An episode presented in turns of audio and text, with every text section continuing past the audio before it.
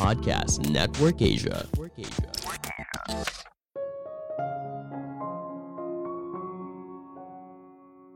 Membuat rencana alternatif itu artinya kamu tidak percaya kalau rencana awalmu bakal berhasil. Tapi apakah benar? Halo semuanya, nama saya Michael. Selamat datang di podcast saya, Sikutu Buku. Kali ini saya akan membahas apakah punya rencana alternatif itu buruk. Arnold Schwarzenegger yang dikenal sebagai juara dunia binaraga, aktor atau mantan politisi mengatakan kalau dirinya membenci rencana alternatif. Bagi dia, ketika kamu membuat rencana alternatif, maka kamu sudah punya mindset kalau kamu akan gagal. Padahal banyak orang sukses bisa berhasil karena mereka tidak punya rencana alternatif. Mereka fokus mengejar rencana awal mereka hingga menjadi kenyataan. Tapi di sisi lain, bagaimana bila kamu tidak punya rencana alternatif? Bagaimana bila apa yang kamu rencanakan dengan matang, ternyata muncul hal yang tidak terduga lalu menghancurkan semuanya? bukankah rencana alternatif menjadi penting? Sebelum kita mulai, buat kalian yang mau support podcast ini agar terus berkarya, caranya gampang banget. Kalian cukup klik follow. Dukungan kalian membantu banget supaya kita bisa rutin posting dan bersama-sama belajar di podcast ini.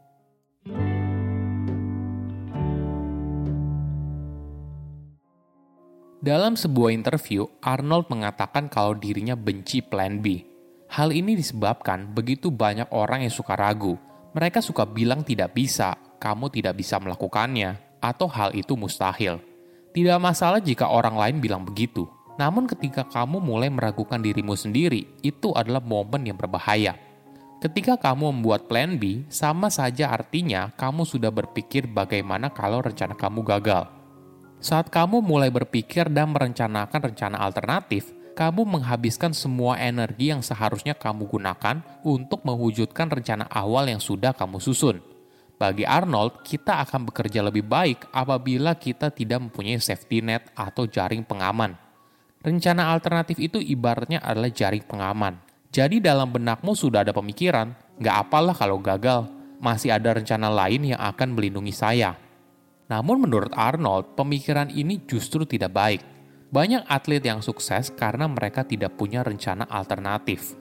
Arnold sendiri mengakui kalau dirinya tidak punya rencana alternatif. Misalnya saat dia berkomitmen untuk menjadi juara binaraga, saat dia berkomitmen kalau dirinya akan pergi ke Amerika Serikat, atau bahkan saat dia berkomitmen untuk masuk ke dalam dunia hiburan. Arnold akan bekerja keras terus-menerus untuk mewujudkan rencana awalnya menjadi kenyataan. Ketika kamu punya rencana alternatif, kamu ibaratnya sedang menyabotase dirimu dari kesempatan untuk sukses. Namun tidak bisa dipungkiri, banyak orang membuat rencana alternatif karena mereka takut gagal. Jika saya gagal, maka saya tidak akan punya apa-apa. Namun perlu disadari, tidak ada yang salah dengan kegagalan. Kamu perlu kegagalan untuk bisa mencapai kesuksesan yang lebih tinggi. Tidak ada orang yang tidak pernah merasakan gagal Arnold mengutip Michael Jordan dalam sebuah interview. Reporter mengatakan kalau Michael merupakan salah satu pemain basket terhebat sepanjang masa. Lalu Michael menjawab, kalau mereka hanya bicara soal kesuksesan yang telah diraihnya saja. Tapi untuk menjadi pemain basket terhebat sepanjang masa, dia pernah menembak 9.000 kali yang tidak kena sasaran selama karirnya di NBA. Jadi, apakah semua hal itu dianggap kalau dia gagal? Tentu saja tidak. Michael Jordan tetaplah salah satu pemain basket terhebat sepanjang masa, walaupun pernah menembak 9.000 kali yang tidak tepat sasaran. Apa artinya? Artinya, kita semua pernah gagal.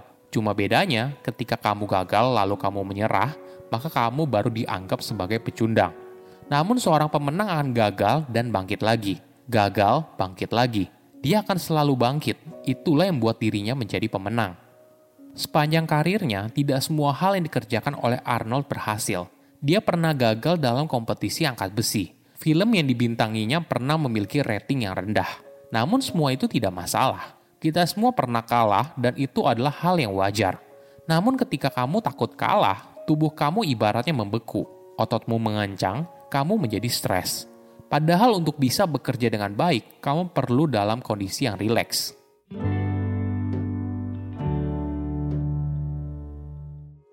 ada perspektif yang berbeda. Bagaimana kalau rencana alternatif itu justru penting? Apa jadinya apabila kamu tidak punya rencana alternatif? Oke, kita bahas satu persatu ya. Apa sih rencana alternatif? Jadi, rencana alternatif adalah serangkaian langkah yang kamu ambil apabila sesuatu yang tidak terduga muncul. Tentu saja dalam hidup tidak ada yang pasti. Kita pasti mengalami banyak ketidakpastian. Apa yang kita rencanakan sekarang belum tentu berhasil 100%. Misalnya kita yang sedang merencanakan untuk pesta di luar ruangan, tapi bagaimana bila hujan? Apakah ada rencana alternatifnya? Ini fungsinya rencana alternatif. Jangan sampai ketika ada sebuah kejadian buruk terjadi dan menggagalkan rencana awal, lalu kamu tidak tahu harus apa. Misalnya seorang pemain sepak bola yang hanya fokus mendedikasikan hidupnya untuk menjadi pemain terbaik namun di tengah karirnya, tiba-tiba saja dia mengalami kecelakaan sehingga dia terpaksa harus mengakhiri karir sepak bola. Apa yang terjadi apabila orang tersebut tidak punya rencana alternatif? Hal ini bisa sangat mengganggu kesehatan mental dirinya kan? Namun membuat rencana alternatif tidak bisa sembarangan. Ada beberapa tips yang bisa kamu praktekkan.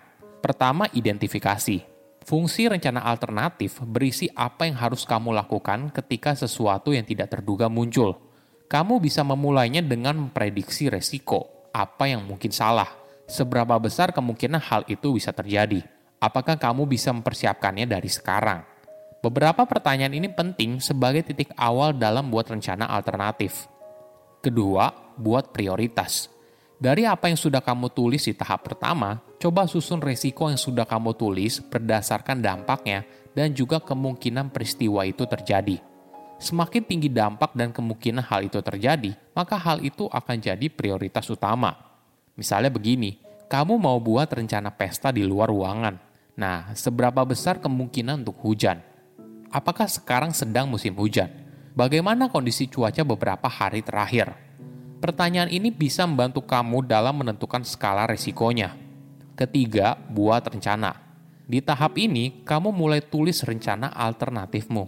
Kamu juga harus realistis atas sumber daya yang kamu miliki, atau mungkin ada yang perlu kamu selesaikan dulu sebelum mengerjakan kegiatan tersebut, dan sebagainya. Keempat, jalankan.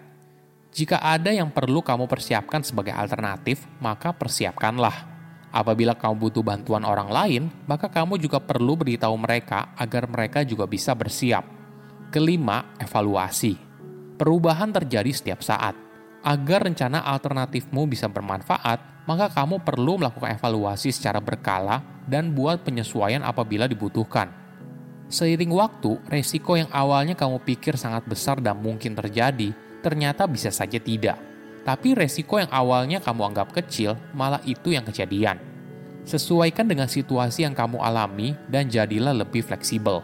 Bagaimana menurut kamu? Apakah punya rencana alternatif itu bermanfaat atau tidak? Saya undur diri, jangan lupa follow podcast Sikutu Buku. Bye-bye. Pandangan dan opini yang disampaikan oleh kreator podcast, host, dan tamu tidak mencerminkan kebijakan resmi dan bagian dari podcast Network Asia. Setiap konten yang disampaikan mereka di dalam podcast adalah opini mereka sendiri dan tidak bermaksud untuk merugikan agama, grup etnik, perkumpulan, organisasi, perusahaan, perorangan, atau siapa pun dan apa pun.